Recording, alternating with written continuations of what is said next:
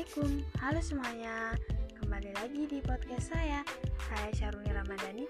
Di podcast kali ini kita akan membahas mengenai Apa tujuan berkomunikasi Di sini teman-teman saya juga melakukan yang namanya komunikasi.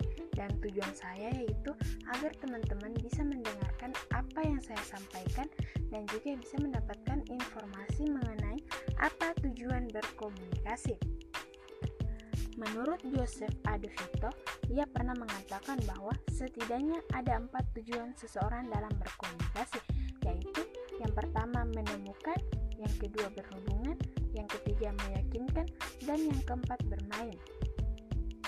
Namun di sini saya akan menambahi dua tujuan komunikasi yang juga selama ini umum melekat pada diri manusia, yaitu membentuk citra diri dan mempersuasi. Nah, di poin pertama, menemukan. Penemuan diri bisa dilakukan jika seseorang berkomunikasi dengan orang lain. Berkomunikasi dengan orang lain itu, ia akan melihat siapa dirinya, apa yang dikehendaki oleh lingkungannya, dan bagaimana ia harus bersikap. Bukan penemuan diri. Penemuan diri ini sebagian besar dipelajari selama kita berkomunikasi dengan orang lain. Seseorang yang berkomunikasi dengan orang lain akan memperoleh umpan balik dari orang yang diajak berbicara. Umpan balik itu menyangkut perasaan, pemikiran, dan perilaku kita. Dengan kata lain, bagaimana umpan balik yang dilakukan oleh orang lain itu mencerminkan siapa diri kita sesungguhnya. Ini penting dilakukan karena umumnya manusia sangat susah untuk memahami kekurangan diri sendiri ia lebih mudah melihat kelemahan orang lain. Sementara itu, jika ada orang lain mempunyai kelebihan, ia tak jarang menutup mata. Dengan demikian, semakin banyak kita berkomunikasi dengan orang lain, atau bahkan dari berbagai latar belakang individu yang berbeda, membuat seseorang semakin sadar akan siapa dirinya, apa yang harus dilakukan di lingkungannya. Ia dengan mudah akan menjadi orang yang mudah menempatkan diri di mana pun dia berada mudah untuk menerima perbedaan, lebih bisa menghargai karena lebih kaya pengalaman dengan banyak orang. Ini tentu saja berbeda jika dibandingkan dengan individu yang tertutup dalam pergaulan sosialnya.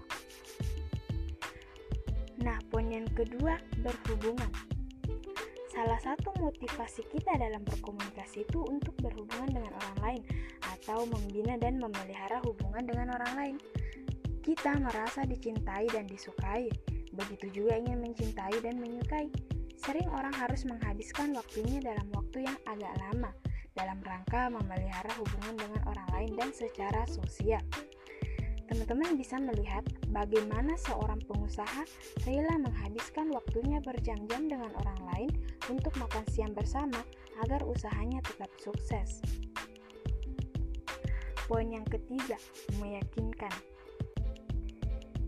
Seseorang berusaha meyakinkan pesan-pesannya agar diikuti oleh orang lain. Ada orang yang meyakinkan pentingnya diet badan agar tetap sehat, menyetujui atau mengecam bahwa sesuatu itu benar atau salah, menyetujui atau mengecam gagasan tertentu. Jarang ada komunikasi, khususnya antar pribadi, yang tak punya maksud untuk meyakinkan. Semua produk yang diiklankan atau berita itu semua juga berusaha untuk meyakinkan para penonton agar mereka membeli apa yang diiklankan.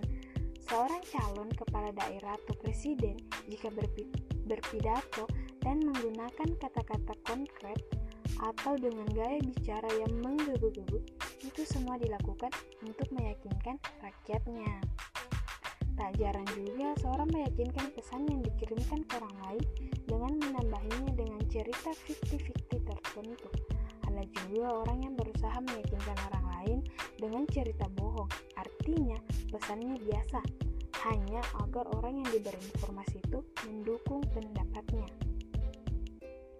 Di poin yang keempat, bermain.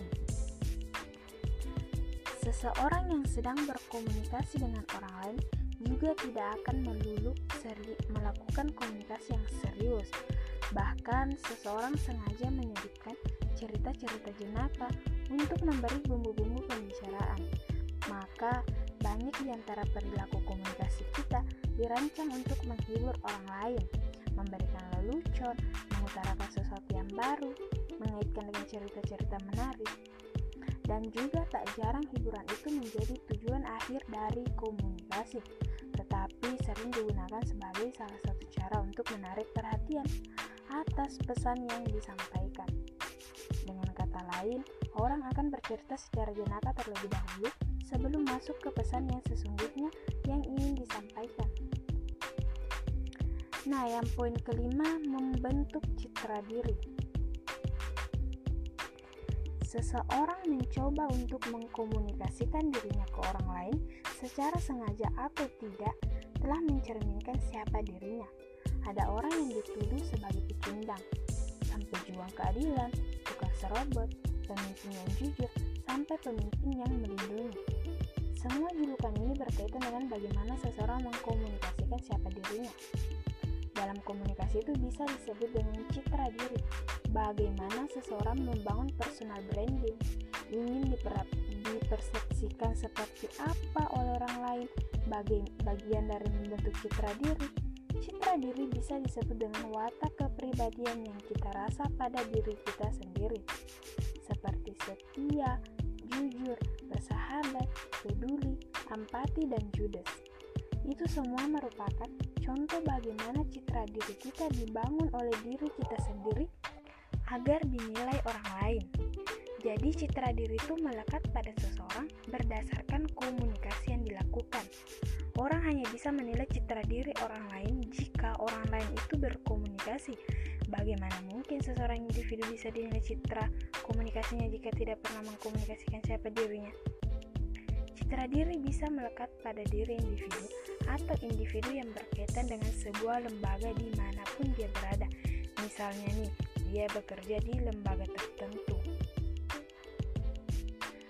Jadi teman-teman itulah tadi penjelasan mengenai apa tujuan berkomunikasi. Semoga bermanfaat untuk teman-teman dan menambah sedikit wawasan teman-teman. Jadi cukup sekian podcast kali ini. Kurang lebihnya mohon dimaafkan. Wassalamualaikum warahmatullahi wabarakatuh.